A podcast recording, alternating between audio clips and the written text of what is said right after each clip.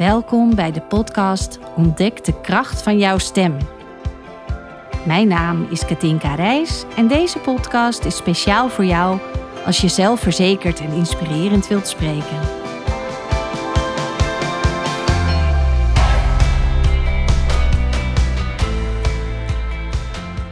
Nou, welkom Katinka in je eigen podcast. Ja, Even- leuk. Ja, even voor de luisteraars die voor het eerst afstemmen. Nou, mijn, mijn naam is Mirjam Hegger en ik interview jou voor jouw eigen podcast. Echt superleuk. Ik heb er helemaal zin in. Dus ehm, ja, en als je luisteraar bent en je luistert voor de eerste keer natuurlijk, dus ook welkom. En eh, ja, Katinka, voor degenen die jou nog niet kennen, wie ben jij? Wauw, wie ben ik? Nou, dat is een leuke vraag altijd om mee te starten natuurlijk. Wie ben ik? Ik ben... eh, ehm, eh, dat is, ik vind het echt een hele leuke vraag. Weet je waarom? Omdat het is, ben je je vak? Ben je wat je voor je vak doet? Maar ik zit hier als stemcoach, stemlogopedist. En eh, dat is natuurlijk niet alleen maar wie ik ben. Ik ben eh, ook nog een, een vrouw van en moeder van en opvoeder van een pup. En een halve eeuw en een beetje meer oud. Dus dat vind ik ook al eh, heel oud. 30 jaar geleden afgestudeerd als logopedist. Dus dat is ook al zo ehm, dat je denkt, jee, ik dacht, ik ben 35, hoe kan het? Dat ik al 30 jaar werk. Nou ja, zo, zo gaat je leven razendsnel voorbij. En wat ik nu, eh, wat ik doe, wil je dat ook al weten? Ik ben ontzettend benieuwd en ik denk de luisteraar ook, dus vertel. Wat ik doe, dat is eigenlijk makkelijker dan wie ik ben. Wat ik doe is, eh, een deel van de week ben ik aan het werk als stemlogopedist. En dan help ik mensen die klachten hebben aan hun stem. Dus die knobbeltjes hebben of een polyp of een verlamde stemband.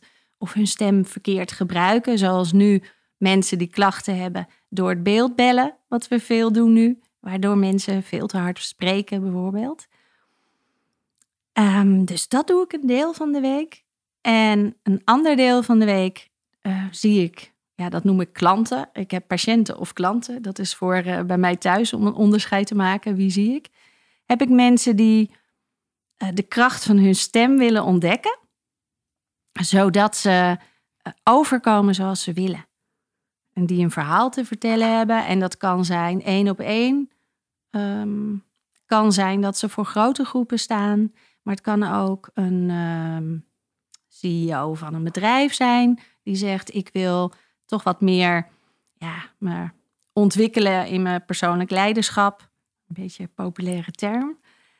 En dat wil ik door te werken aan mijn stem. En door te werken aan mijn stem kan ik overbrengen wie ik echt ben. En daarnaast geef ik ook nog workshops. En sinds kort online. Ik dacht dat ik dat altijd. eh, ik dacht altijd dat ik dat stom vond. Online workshops geven, dat is echt niks aan. Nee hoor, dat doe ik niet. Zei ik vier weken geleden nog. En ineens rolde ik er zo in door deze tijd. En eh, vind ik het ook leuk. En ik word ook gevraagd door bedrijven om workshops te geven. En ik geef ook trainingen aan logopedisten. Dus een soort nascholing aan collega's. En daar vul ik eh, mijn week mee ongeveer. De stem, daar gaat het heel erg om. Hè? De kracht van de stem, dat is Ja. heel erg de rode draad in wat ik, wat ik hoor van jou. Hoe, hoe ben je daar zo ja, ingerold? Of misschien ben je er helemaal niet ingerold. Maar Nou, ik heb denk ik wel altijd. ehm, ik, ik heb al van vroeger af, denk ik dat ik heel erg bezig was stemmetjes na te doen. En daar werden mijn ouders wel eens gek van. Dat ik continu met eh, poppen en knuffels en. Nou, wat ben jij aan het doen? Nou, ik ga zo. Allerlei stemmetjes aan het doen. Dus daar ben ik altijd wel door gefascineerd geweest. En ik denk een jaar of tien geleden dat ik wel heel erg, ja, dat krijg je van die momenten in je leven dat je gaat kijken, nou, wie ben ik en wat doe ik? En toen was ik ehm, nou, rond de nou, 20 jaar aan het werk. En dat is al best lang. En ik dacht, goh, wat doe ik nu eigenlijk voor mezelf? Ik, ben, eh, ik, ik was alleen maar toen aan het werk als logopedist. En uh, in de avonduren en in de weekenden deed ik administratie. En ik sportte een beetje, omdat je dat natuurlijk ook vindt dat je dat moest doen. Maar deed ik nou echt wel wat voor mezelf? En um, toen dacht ik eigenlijk aan mijn vader. En die, um, die was heel erg bezig met uh, schilderen en boetseren en zo, creatief. Maar dat ging hij doen na zijn pensioen. En toen dacht ik, ga ik dan ook wachten tot na mijn pensioen, tot ik eens ga kijken wat ik nog verder leuk vind om te doen in mijn leven. En dat was een moment dat ik dacht, nee, ik ga uh, nu eens even bedenken, heb ik, uh, heb ik iets waar ik heel blij van word, waar mijn hart een huppeltje van maakt, wat misschien wel passie is te noemen. En toen dacht ik, ja, ik, ik weet wel wat ik heb. Want ik heb altijd gezegd, ooit word ik zangeres. Dus ik wil kunnen zingen. En um, toen ben ik gestart met zangles. En daarna ben ik op een koor gegaan. En toen ben ik allerlei trainingen gaan volgen, cursussen over de zangstem. En toen heb ik heel veel geleerd over wat je nog meer met je stem kan. En ja, ja, daar werd ik super blij van om daarmee te werken. Maar ik ging het ook inzetten op mijn werk. Dus ik um, kon de technieken die ik zelf geleerd had, waardoor ik veel meer kon met mijn stem. En ik, ik, ik, heb op een gegeven moment wel losgelaten: oké, zangeres hoef ik niet te worden, want dan legde ik de lat te hoog. Als ik maar lol heb in wat ik doe. Maar ik leerde wel ontzettend veel over mijn stem. En dat ging ik uitproberen bij mijn patiënten. En die vonden die oefeningen heel erg leuk en heel concreet. En dat voegde voor mij heel veel toe, um, bovenop de kennis die ik al natuurlijk vanuit de opleiding had. En de behandelingen gingen sneller en vlotter en leuker. Ja, van het een kwam het ander, want toen rolde ik erin dat ik een training ging maken voor collega's, voor logopedisten. En nou ja, dat had ik helemaal nooit bedacht van tevoren. En dat is een beetje hoe mijn leven gaat, denk ik. Ja, vertel. nou, het is. Uh, uh, ja, je kan een heleboel bedenken, maar ik ben niet zo'n bedenker. Ik doe. En dat is. Uh, meestal gaat dat goed. Dus ik. Eh, ineens geef ik dan een, een cursus voor logopedisten. En dan denk ik, ja, kijk mij nou, wat, wat ga ik nou doen? En ja, zo gaat het ook een beetje nou, nu weer met uh, online workshop geven. Ik krijg een vraag en ik denk, Volgens mij denk ik nooit nee.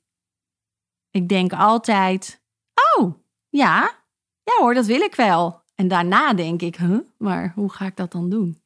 Ik voel daarin, en dat heb ik natuurlijk ook tijdens het voorgesprek, maar ook, ook nu weer, voel ik daarin zo'n enorme passie, zo'n vuur voor jouw vak. Wat is dat? Ja, ja dat, nou, ik, ik denk wel. Um, mijn vak is natuurlijk eigenlijk heel breed, omdat ik deels werk ik in de zorg. En daar heb ik ook wel mee geworsteld vorig jaar. Wil ik nog wel uh, in de zorg blijven werken? Wil ik niet alleen maar met de stem mensen leren wat ze ermee kunnen, zonder dat het uh, met de zorg te maken heeft? En daar heb ik heel erg mee geworsteld. Tot ik merkte van ja, maar dat zorgstukje, daar kan ik ook mensen supergoed mee helpen. En, met, en mensen heel uh, blij mee maken. En daar, daar word ik eigenlijk toch ook wel heel gelukkig van. Dus dat is eigenlijk twee kanten. Ja, maar en, het belangrijkste is van wat is dan die passie? Ja, dat ik mensen dingen kan leren die helemaal niet zo moeilijk zijn, waarvan ze nog nooit hebben gedacht dat ze het konden. Ik denk dat dat het is.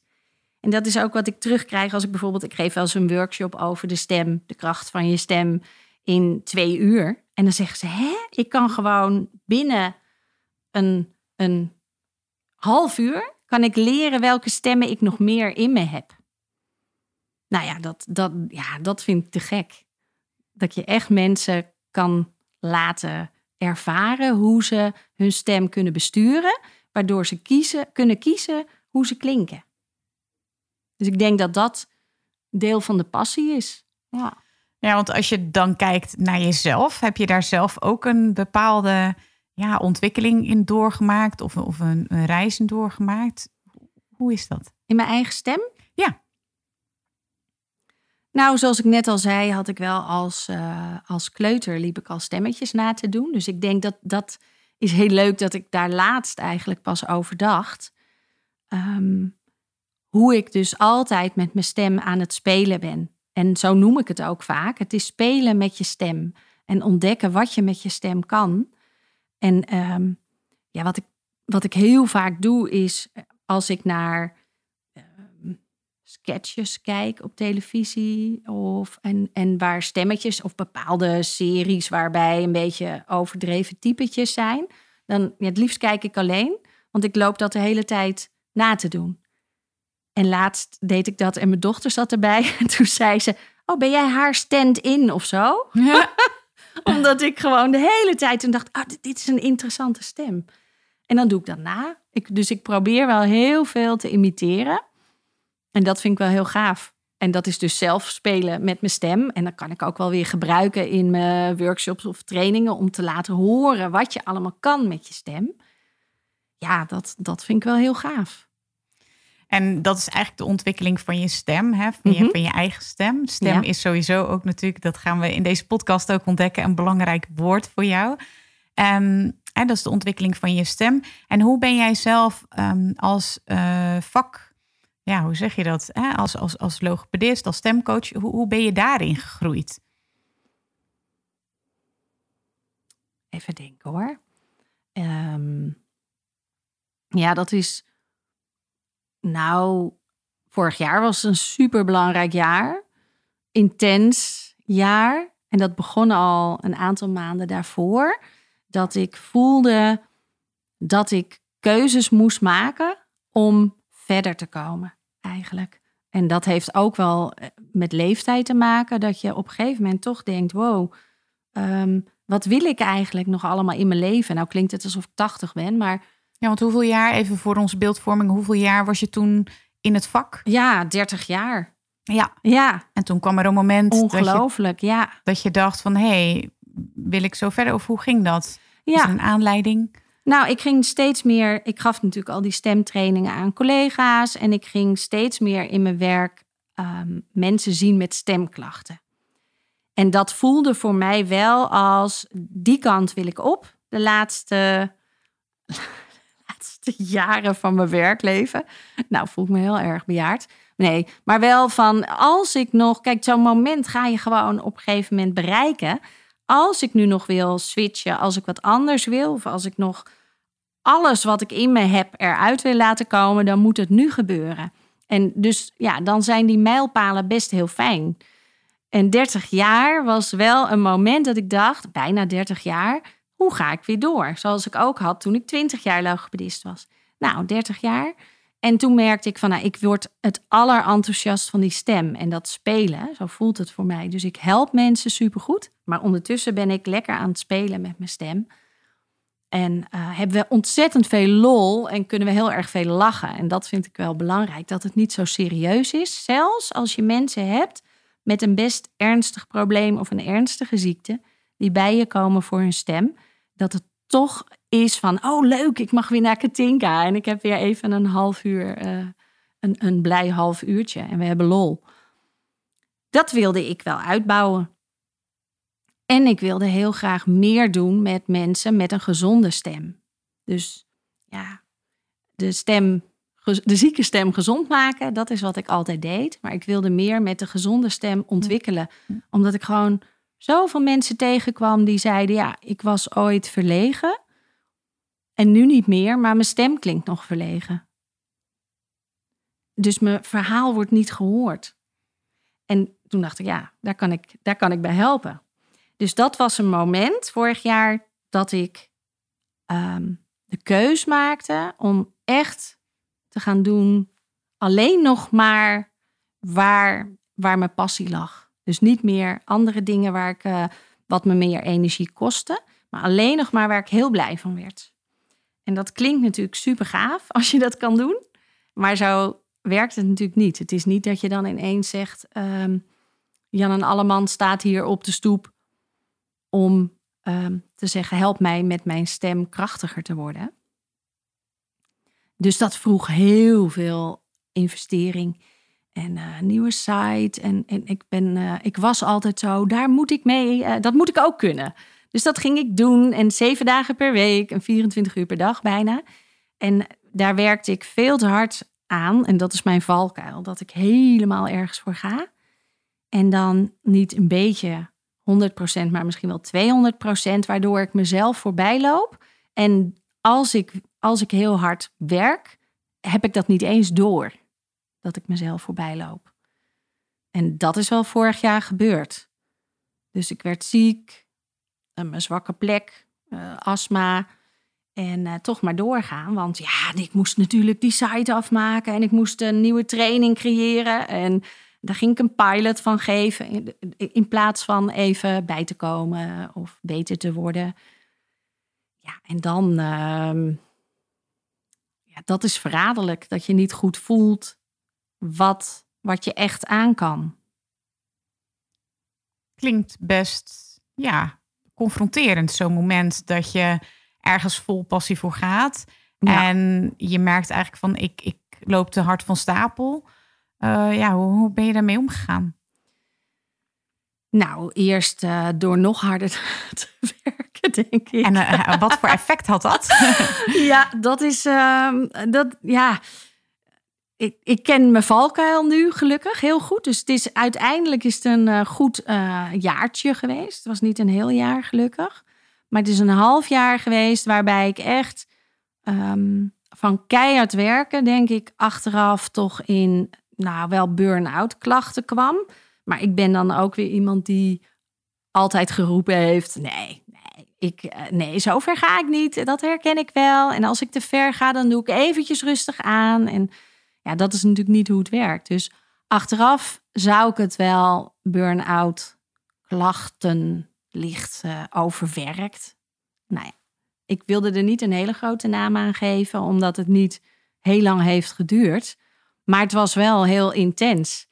En omdat ik zoveel ziek was, kwam er een pub. Want dat leek ons dan ook een heel goed idee. En achter dat was ook dat ik dacht, nou jongens, als je een beetje overwerkt bent en worstelt met uh, hoe moet het allemaal, ik zou geen pub adviseren. Het is superleuk nu, maar ik zou het niet doen. Dus ik kwam thuis te zitten in de zomer, bloedheet, met een pup. En nou ja, wat ik nu herken is als ik werkte, ging ik over het gevoel heen van, of daar walste ik eigenlijk doorheen van het gaat niet goed met me. Maar doordat ik thuis kwam te zitten, want het was zomer en eigenlijk was alles wel een beetje geregeld. Um, ja, toen bleek het helemaal niet zo goed te gaan met uh, hoe ik me voelde.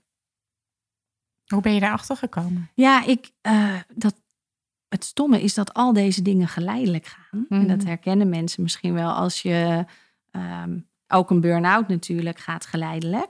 Maar wat er bij mij meer gebeurde was um, dat ik um, ja, een down gevoel over me heen kreeg. Dus door hard te werken voelde ik me, heb ik mezelf uitgeput. Maar kwam ik wel over een punt van ik voel me wel weer heel blij, want ik heb weer iets gecreëerd. Adrenaline. Ja, dat zoiets. Nou, het zal wel weer, nou ja, hormonen. En ik, ik, ik omschrijf het eigenlijk vaak nu, dat heeft iemand me geleerd en dat vond ik een hele waardevolle. Je lijf eigenlijk is, uh, of ja, ja, je hele lijf en je hoofd is een soort jampot, zou je kunnen zeggen. En die zit vol met hormonen. En op het moment dat je stress ervaart, en in mijn geval was het, oh, ik moet wel een nieuwe tak werk creëren. En ik moet wel, hè, ik, was, uh, ik had net een nieuw huis uh, met mijn man gekocht. En we moeten wel, uh, ik moet wel omzet draaien. Dus um, dat leverde stress op. Nou, als er heel veel stresshormoon in die shampot zit, blijft er minder ruimte over voor alle andere hormonen. En dat zijn dan de gelukshormoontjes en de blijmakers. Maar ook de, bijvoorbeeld de vrouwelijke hormonen. En ik zat toch al in een fase van mijn leven waarin die wat minder worden. En wat ik begrepen heb, is als je heel veel stresshormoon aanmaakt, dan keldert het vrouwelijke hormoon enorm. En dan kan je dus zelfs in een depressie komen. En dat is waar ik wel uh, ongeveer tegenaan zat. En ik noem het dat ik heel down was. En, uh, um, snel boos, opvliegend, uh, huilen. Uh, in ieder geval dat ik dacht, er is iets met me aan de hand. En ik snap niet waarom. Wat heb je gedaan? Um, nou, eigenlijk toch wel heel snel contact gezocht met de huisarts. Want ik nam wel waar dat het raar was dat ik zo somber was. En ik dacht, nou, ik heb uh, een leuke man en leuke kinderen en een fijn huis. En die pup is ook best leuk. en waarom? Uh, en ik ben leuke dingen aan het creëren, of heb ik al gecreëerd. Het klopt niet dat ik somber ben. En um, ik, er moet niet een moment komen dat ik niet meer waarneem dat het heel raar is dat ik me zo voel. Dus ik zat na, denk ik, vier tot zes weken bij de huisarts. En die afspraak had ik gemaakt. En de avond, voordat ik naar de huisarts ging, uh, keek ik. Uh, ik zat op de bank en er stond een televisieprogramma aan. En dat ging over de overgang. En ik keek niet eens en ik hoorde het zo half. En daar noemden ze wat symptomen op. Nou ja, ik ken best een beetje symptomen van de overgang. En daar had ik eigenlijk niet zo last van, opvliegers of zo. En uh, daar zeiden ze depressie. En ik, ik keek echt zo van, ik krijg nou wat. Depressie. En ik voelde me echt een beetje uh, onnozel dat ik, ik ging googelen, symptomen van de overgang. Ja, ja. En uh, daar stond inderdaad depressie bij. En warmte aanvallen of zo. zo. Zo omschreef ik bij mezelf. Nou ja, dat kan dus, uh, dat kunnen opvliegers zijn met zweetaanvallen. Dat had ik niet. Dus, en dat is wat mensen ervan weten. Mm. En ik las dat en ik dacht, krijg nou wat. En mijn man was er niet, maar ik belde hem meteen en ik zei, nou, wat ik nou toch lees, weet je wat ik denk wat ik heb? Ik denk dat ik gewoon in de overgang zit. En toen zei hij: Wat fijn! en ik fijn. Nou, hij zei: Nou, dan, dat is toch op te lossen, denk ik. Mm. Hè? Dat is makkelijker dan dat je denkt: Nu, uh, ik ben gek aan het worden of zo. Ja, dat was echt bizar. Dat het alsof er zo'n uh, nou, giga kwartje viel. Ja. En, ja. en dat ik denk: waarom, ja, waarom leer je daar niet wat over, hè? op school of zo, weet je wel. Of uh, les voor 40-jarige, nou ja, mannen en vrouwen. Wat, wat gebeurt er nu in ons leven als je die fase krijgt? Maar goed, ik ging de dag daarna naar de huisarts en ik zei: Ja, het is een beetje raar. Ik, ik kwam hier om te zeggen dat ik gek aan het worden ben. Maar ik denk eigenlijk dat het gewoon de overgang is. En uh, toen kreeg ik hormonen. En ik nam uh, een pilletje en de volgende dag werd ik wakker. En uh, ik, ik kwam echt juichend met bed. Woehoe, het leven is leuk. Bizar.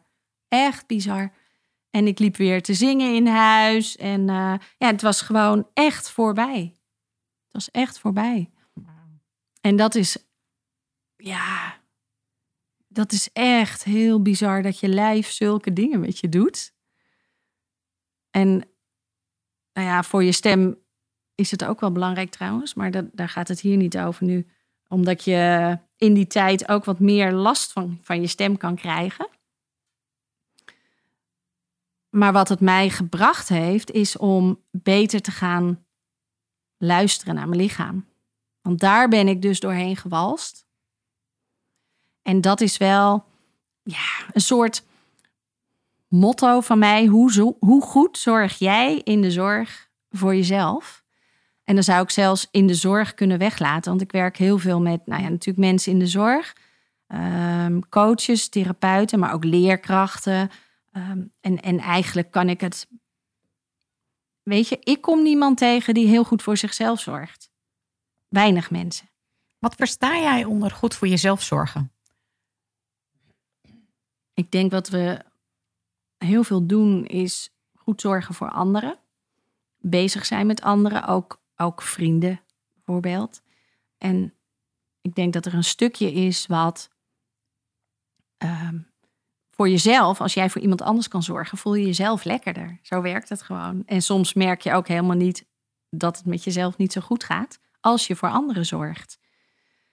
Dus bezig zijn met anderen, anderen beter maken, anderen verder helpen. Het is eigenlijk precies wat ik doe als stemcoach en stemlogopedist mensen verder helpen in hun ontwikkeling.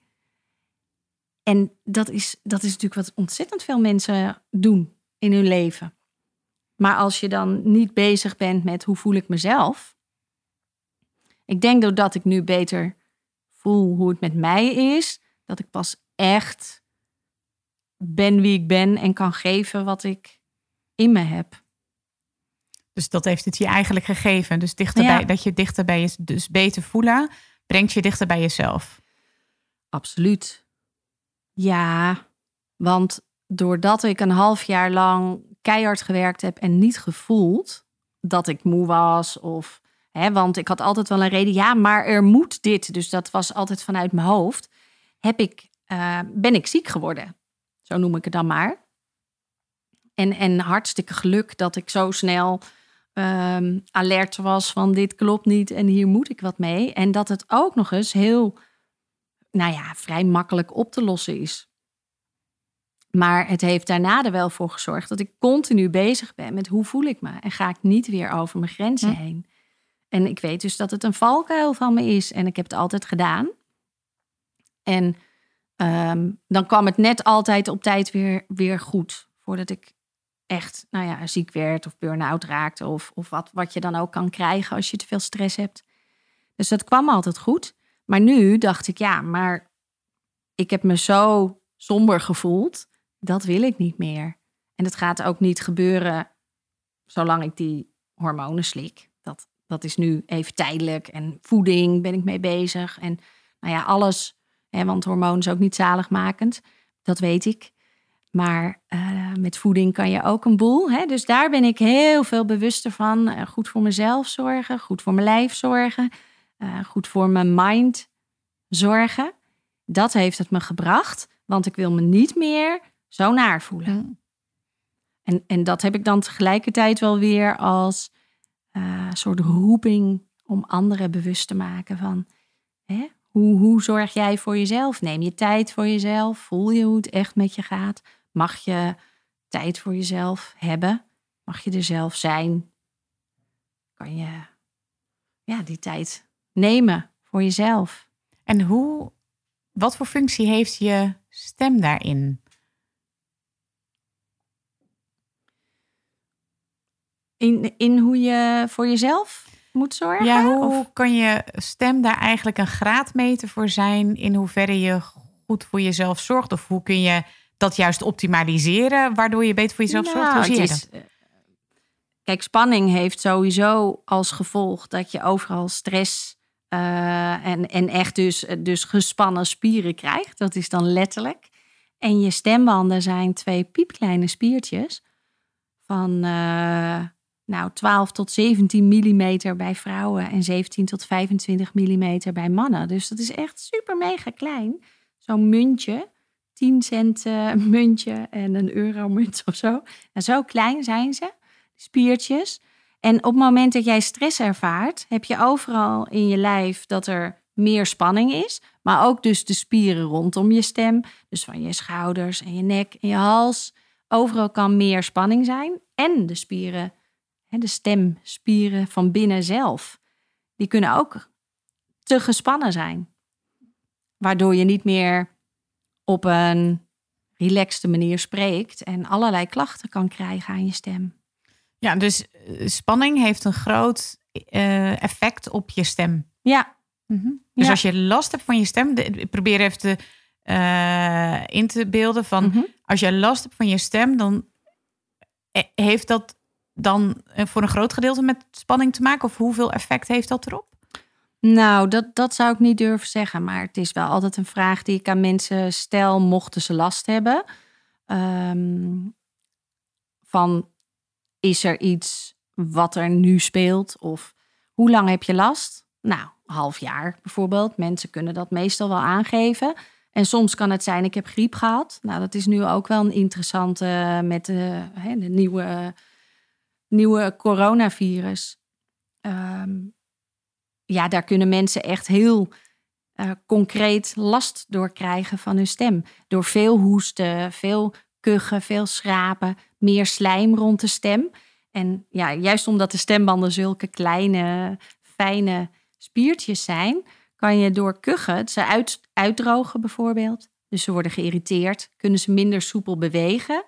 En daardoor ehm, gaat het niet meer zoals het ging. En gaan mensen iets doen om maar goed te kunnen spreken. En vaak als je iets uh, gaat doen, doe je juist hetgene wat niet zo handig is.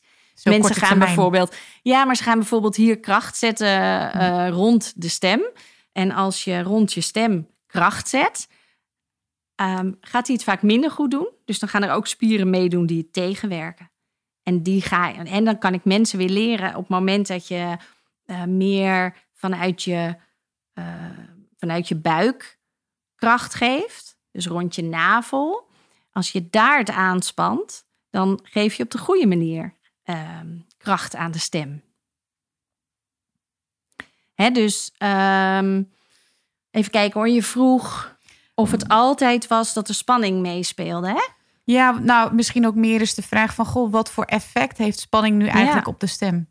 Ja, ehm, nou, je hebt een hele mooie term en die heet globus. En dat is ehm, het gevoel dat er iets in je keel zit, een brok in je keel.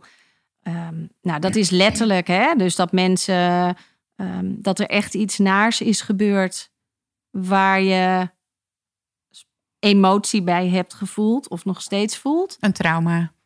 Ja, of een, eh, een ja, een, het, kan, het kan iets groots zijn, bijvoorbeeld het overlijden van je partner. Daar heb ik wel eens een oudere meneer van bij me gekregen. En die zei ja. Ik, nee, ik vroeg hem of hij wel eens huilde. En hij was 86. Hij zei, nou, ik denk dat ik voor het laatst gehuild heb toen ik tien was. Want dat doe je niet als jongen en als man. Nou moet je voorstellen dat je na 60 jaar huwelijk je vrouw overlijdt. En je hebt er nooit om gehuild. Ja, dat, dat gaat ergens, gaat dat blokkeren. En bij hem was dat bij de stem. Dus hij had het gevoel dat er iets in zijn keel zat, waardoor hij niet goed kon slikken en niet goed kon praten. Dat zijn stem niet het lekker deed. Ja, dat is gewoon eigenlijk die, die brok in de keel die we allemaal wel kennen als uitdrukking. En daar kan je dus heel concreet van zeggen: spanning heeft letterlijk effect op de stem. En bij de een zal je dat meer merken. Het gaat altijd ergens zitten, hè? Dus die stem, daar zie je dat ook terugkomen. Ja. ja. Wat zijn er nog meer ja, invloeden eh, die ervoor kunnen zorgen dat je klachten krijgt? eh, zware klachten of lichte klachten. Wat zie je nou heel vaak in jouw praktijk? Ehm, nou, wat ik altijd zo grappig vind van de stem, is dat mensen denken dat hij het altijd gewoon doet. Terwijl hij zo klein is, wat ik net zei. En toch is het een, een instrument waarvan we altijd verwachten dat hij doet.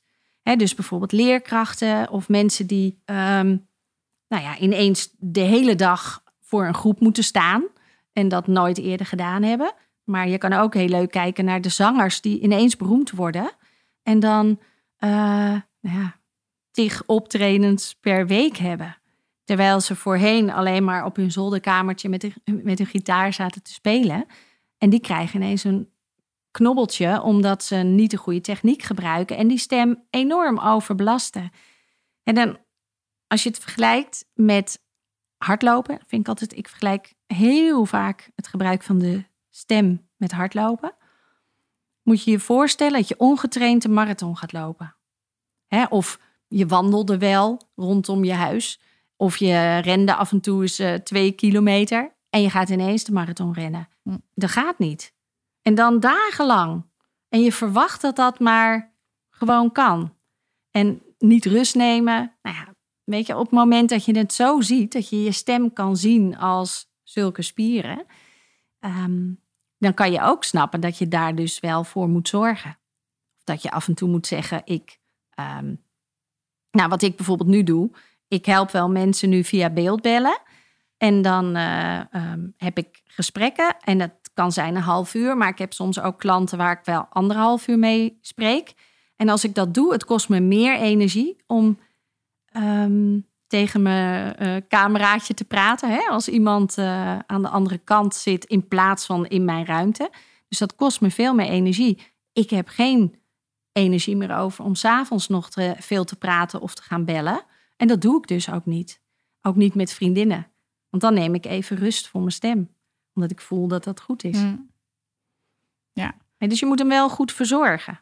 Dus als jij zegt welke mensen zie je vaak, dan is het ook heel vaak mensen die dus ehm, hem overbelast hebben en zelf te veel kracht, want je gaat door met praten. Je denkt niet van, oh laat ik eens even wat rust nemen voor mijn stem. Terwijl als je gerend hebt, doe je dat wel. Vind je het heel logisch dat je rust neemt. Ja, want je zegt uh, rust nemen, um, de stem verzorgen. Kun je daar iets over vertellen?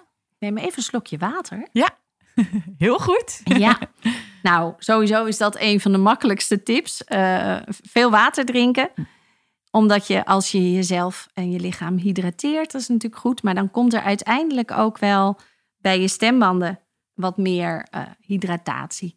Het komt niet letterlijk als je drinkt bij je stembanden, want dan gaat je strottenklepje overheen. Om uh, je longen te beschermen dat er geen uh, water ingaat of voedsel. Maar sowieso is water drinken een makkelijke tip. Om je stem te verzorgen. En um, stemrust. Nou, dat zijn eigenlijk de twee makkelijkste. En verder heb je nog allerlei massageachtige geluiden die je kan maken. En zzz, of neurieën.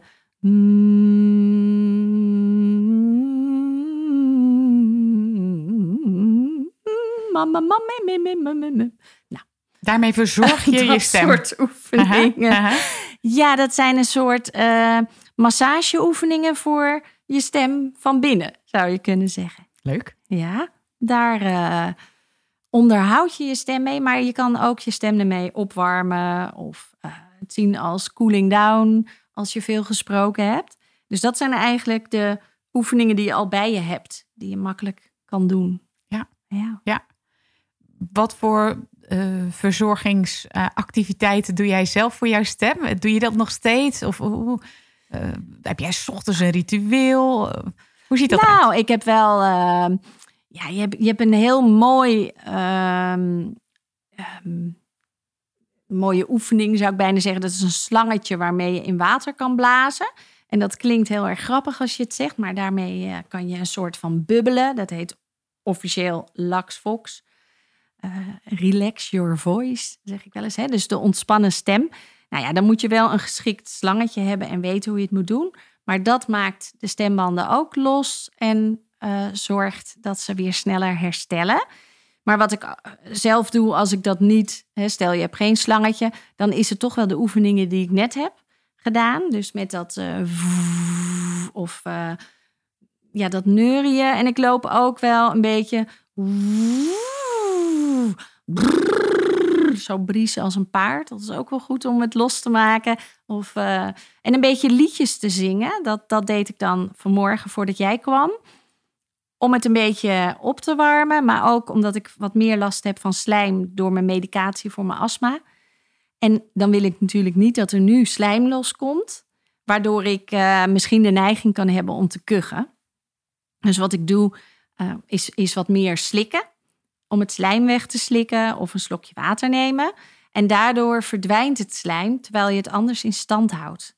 Dus als je kucht, irriteer je de stembanden en dan hou je het slijm in stand. Hmm. He, dus, maar wat ik net doe, ja, je moet het zo zien als je, als je een beetje loopt te zingen. Um, dan rek en stretch je je stem van binnen. Um, en daardoor ja, Hè, dan ga je even de hoogte in. Nou, dan uh, rek je en strek je je stembanden eigenlijk even. Maak eens even wakker, zou je kunnen zeggen. Ja, leuk. Nou, je hebt de luisteraars vast ook even wakker gemaakt met, uh, met deze oefeningen. Leuk hoor. Ja, en ook heel, uh, heel helpend, want je kunt het, je kunt het dus ook ja, echt wel zelf verzorgen. Zeker, ja. Fijn is dat. ja. ja. Even, um, waar ik nog benieuwd naar ben, is van, je hebt al wel een aantal dingen verteld. Uh, je, je, je helpt dus uh, met bijvoorbeeld nu met het beeldbellen. Um, je, je hebt workshops die je geeft. Kun je nog een beetje meer vertellen van, ja, wat, wat, wat, waar help je precies mee en, en hoe doe je dat? Um, ja, ik, ik, we hebben het nu eigenlijk vooral gehad over mensen met stemklachten. Mm, ja. En dat is natuurlijk een klein deel van wat ik doe. Eh, het is iets wat ik heel lang gedaan heb en wat ik nu ook nog doe, omdat ik het fijn vind om mensen te helpen. Maar waar ik het allerblijste van word, is als er mensen zijn die geen idee hebben van wat ze allemaal kunnen met hun stem. En dat ik ze kan leren dat ze uh, ja, de kracht van zichzelf, die ze in zich hebben, kunnen, kunnen ontdekken en ervaren middels de stem, zou je kunnen zeggen. Op het moment dat je, uh, dat je niet goed durft te zeggen wat je wil of dat je ehm, voor groepen spreekt en alle lezingen geeft en merkt, hey, dit is een moment waarbij mijn groep een beetje inkakt. Zo'n hulpvraag krijg ik wel eens.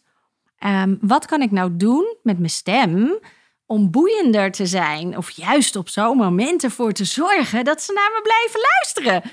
En dan op het moment dat je weet dat je je stem uh, kan gebruiken op een manier die boeiend is, en dat is met name afwisselend, dus dat je de afwisseling in je stem hebt, ja, dan kan je er gebruik van maken. Dus ik leer ze om te ontdekken welke stemmen, welke verborgen kanten van de stem eigenlijk nog meer in je zit. Want je hebt allemaal meerdere stemmen. Dat klinkt alsof je schizofreen bent en dat bedoel ik niet. Maar je hebt andere stemmen in je. En die moet je alleen even weten hoe je die eruit moet halen. En dat, ja, dat leer ik mensen heel graag. Dus dat je op een wat lichte manier kan spreken en dan klinkt je stem wat zachter en vriendelijk. Deze manier gebruik ik als ik bewust vriendelijk wil overkomen omdat ik weet dat mijn comfortzone op deze manier is. Dus dit is de stem die uh, het meest makkelijk vanzelf gaat. Maar die kan ook wel wat stevig en overdonderend overkomen. En zeker als ik dan ook nog daarbij een beetje naar voren ga zitten, nou, kan jou heel goed helpen om jouw stem te vinden. Ja, dat kan voor een hele groep lekker overtuigend zijn, maar het kan ook heel overdonderend zijn. En dat wil ik natuurlijk niet. En dan weet ik inmiddels dat ik iets zachter mijn stem kan gebruiken en dat ik dan vriendelijker gevonden word. Ja, heel leuk dat we ook nog in de andere afleveringen daar dieper op ingaan hoe je, dat, uh, hoe je dat precies kunt doen en wat voor effect dat heeft en wat voor verschillende. Dus uh, ja, heel leuk dat we dat, we dat gaan doen. Ja. Um, want als je kijkt naar wat, wat zou je nu graag in beweging willen zetten? Nou, je hebt het natuurlijk al wel verteld, maar wat is je missie? Wat, wat, wat, wat zie je dan voor je?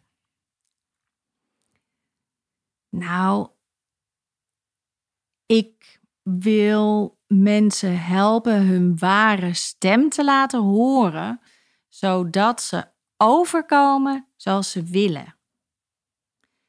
En dat je Ehm, je, je boodschap, je verhaal kan brengen en dat het, dat het klinkt zoals je wil, zeg maar. Ja, dat is het eigenlijk. En niet dat je in je hoofd heel enthousiast bent, maar dat het niet zo overkomt. Dat mensen het wel oké vinden wat je vertelt, of dat ze afhaken.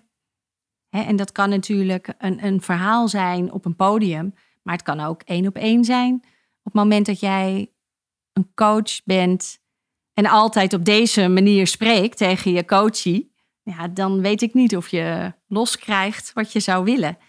En als je die andere kant leert, die ja, toch over het. je hebt, je hebt ehm, een, een stevige stem, wordt gewoon over het algemeen. Uh, heeft meer overtuigingskracht, maar kan ook overdonderend zijn. Hm. En een zachte stem uh, vinden mensen onzeker. Maar het is ook lief. Dus het heeft twee kanten vaak. En dat, dat is wel universeel, hoe daarna gekeken wordt. Hm. dus een politicus die een wat lage, warme, stevige stem heeft, wordt als betrouwbaar gezien. En dat is wel universeel, denk ik. Op het moment dat jij weet hoe je dat moet doen, dan kan je dus kiezen hoe je, hoe je klinkt als jij op deze manier een verhaal vertelt, dan denk ik dat er niemand op jou stemt. ja, precies. precies. En dan is het handig dat je weet, oh ja, ik moet even wat lager spreken, misschien wat langzamer, wat steviger.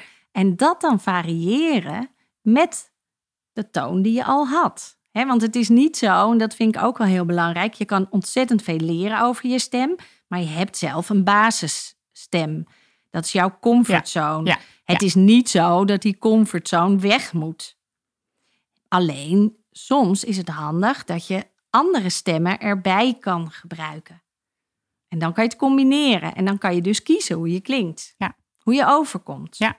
Mooi. Dus dat kun je beïnvloeden. Daar kun je een keuze in maken. Ja. ja. Nou, nogmaals, de- daar gaan we het nog eh, uitgebreider over hebben. Want ik heb daar nog ook heel veel vragen over. Ehm, als je kijkt naar, naar hè, jouw missie en, en jouw bedrijf... en, en wa- waar je mensen wil, mee wil helpen... Mhm. hoe zie je dat in de toekomst?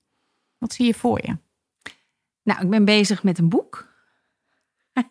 en eh, ook nooit gedacht. Maar ja, zo gaat dat.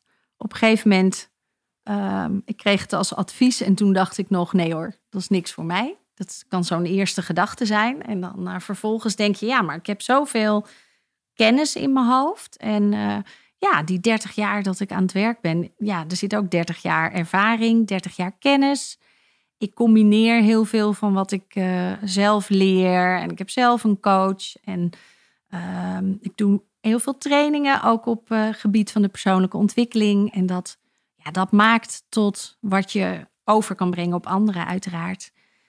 En toen dacht ik, ja, als ik dat nou eens wel in een boek kan schrijven. Waarbij ik mensen zelf kan laten nadenken over hun stem. Dus in, in nou, met, met ook wel wat werkbladen erin. Dat lijkt me heel gaaf. Dat mensen zelf kunnen ontdekken. Wat doe ik nou? En hoe klink ik?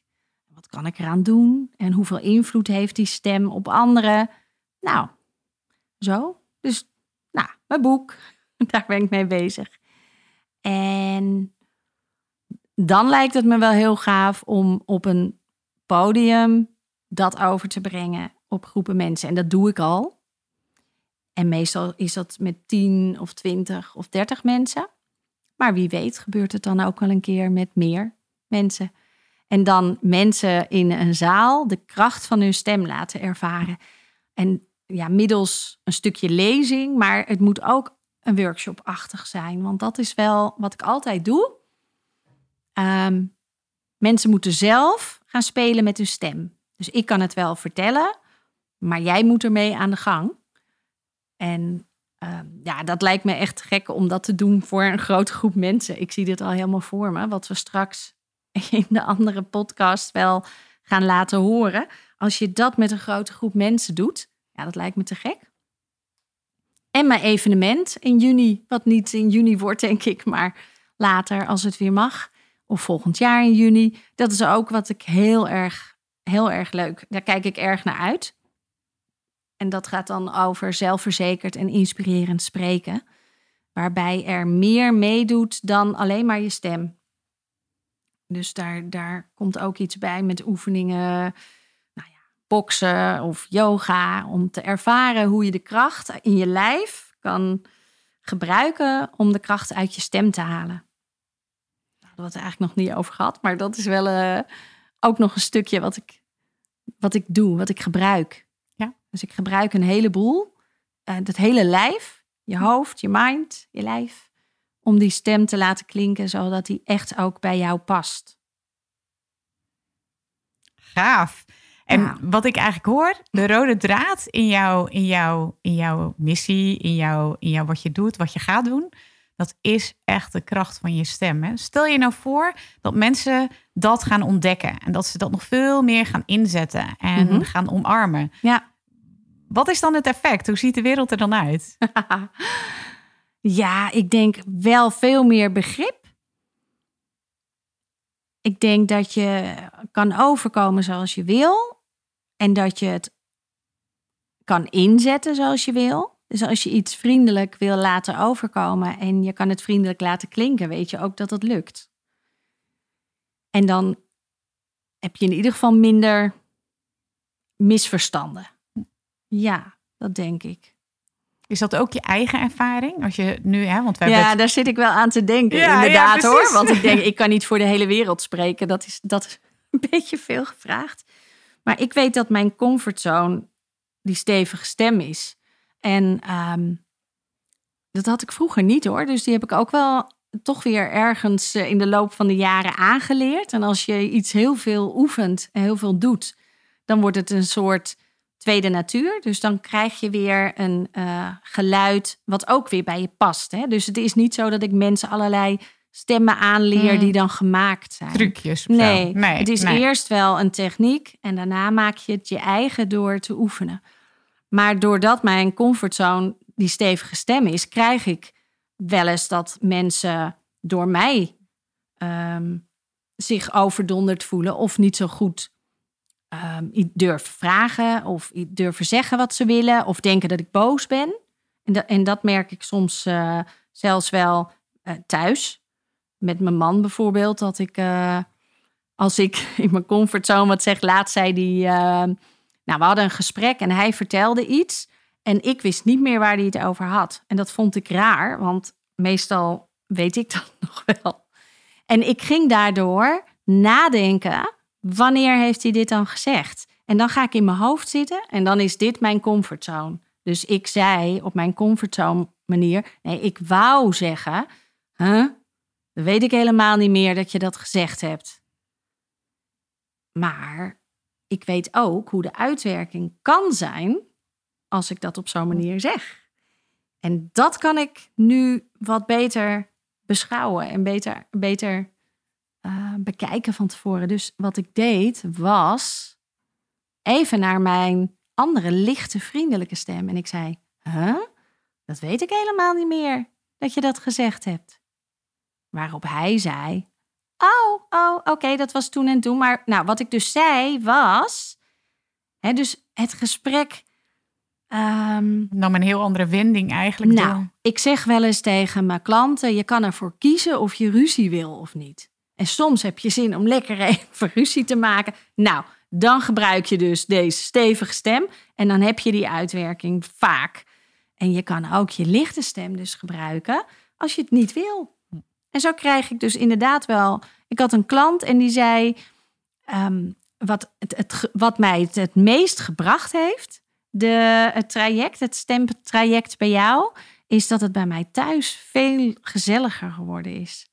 Dus ik kwam om mijn lezing boeiender te maken en dat is ook, dat is gelukt. Hè, hij is veel eh, interessanter op sommige momenten als iemand een beetje eh, nou ja, wegkeek of op zijn telefoon ging kijken. Maar dat ik nu thuis ervoor kan kiezen hoe ik klink. En zij had ook zo'n stevige stem als comfortzone. En dat ze zegt, nou, ik zet nu gewoon echt die lichte stem in als ik iets eh, nou ja, helemaal niet erg vind, maar wel iets vertel. Waarvan ik niet wil dat het ge- gezien wordt als kritiek, bijvoorbeeld.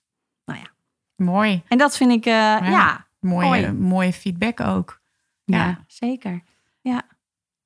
Heel mooi, dankjewel. En, en ja, we hebben je een, een, een stuk beter leren kennen. Als er nu één ding is wat je wil meegeven, als wat, ze, wat de luisteraars meenemen uit dit eh, gesprek, wat zou dat dan zijn? Wauw. nou, wat wil ik mensen meegeven? Nou, als je de kracht van je stem ontdekt, dan ontdek je echt je ware zelf. En dan kan je alles, alles vertellen op de manier zoals jij wilt dat mensen naar je luisteren. Nou, Zonder laten we dat, daar maar bij houden. zonder dat het een trucje wordt. Dat vind Zonder ik ook dat heel het mooi. een trucje. Oh ja, ja, ja, Ja. ja. ik vind het wel belangrijk dat het, eh, dat het wel een stukje authenticiteit heeft. En dat je vrij, maar goed, dan, dan wijd ik weer uit. In één zin is dat lastig. Maar het moet wel vrij en eigen zijn. En dat kan ik wel van mezelf zeggen, doordat ik nu ehm, bewuster ben van nou, mijn comfortzone. En bijvoorbeeld die zachte kant, dat is niet mijn comfortzone. Maar hij is het wel steeds meer aan het worden. En dat merk ik nu ook. Eh, zeker als ik het over gevoel heb, klinkt mijn stem anders dan als ik het over techniek dingen heb. Ja, dat, is gewoon heel fijn. Nou, wat ik heel mooi vond aan wat je zei, is van je, ik, ik leer het wel eerst als techniek aan, Ja. maar vervolgens ga je het je steeds meer eigen maken. Dat vind Ja. ik heel interessant. Ja. Die combinatie die jij hebt. Ja, ja, want het, het, het, een trucje is, ja, soms is het handig. Inderdaad. Als je nou een politicus bent en, uh, en je staat voor uh, camera's en je wil op een bepaalde manier overkomen, dan is het iets wat je bewust inzet. Maar zo kan je natuurlijk niet je hele leven uh, spreken. En dan is het, ja, het is ook weer, ehm, dat is gewoon theoretisch zo hoe het werkt. Als je drie tot vijf keer per dag een aantal minuten iets oefent, maak je het je eigen. He, dan zo kan je je hersenen weer trainen. En dan ja, doe je het steeds meer en steeds vaker. En dan wordt het iets wat je beheerst op een gegeven moment. Ja. Mooi. Nou, en hoe je dat kunt gaan beheersen en hoe je minder ruzie thuis kunt krijgen, dat bespreken we in de volgende afleveringen.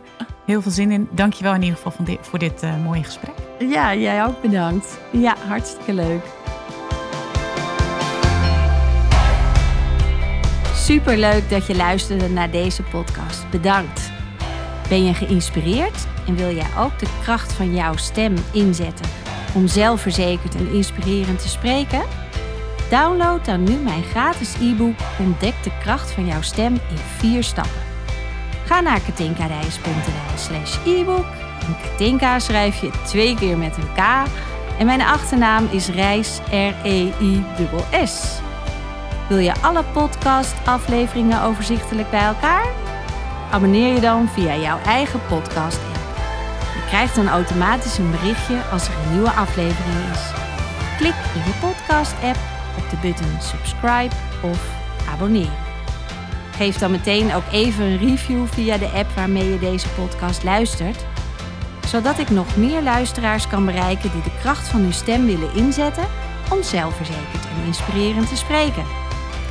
Heb je nog vragen of opmerkingen? Dan kun je me vinden op LinkedIn of Instagram of stuur een berichtje naar info.katinkareis.nl. Nogmaals, dank voor het luisteren en tot de volgende keer.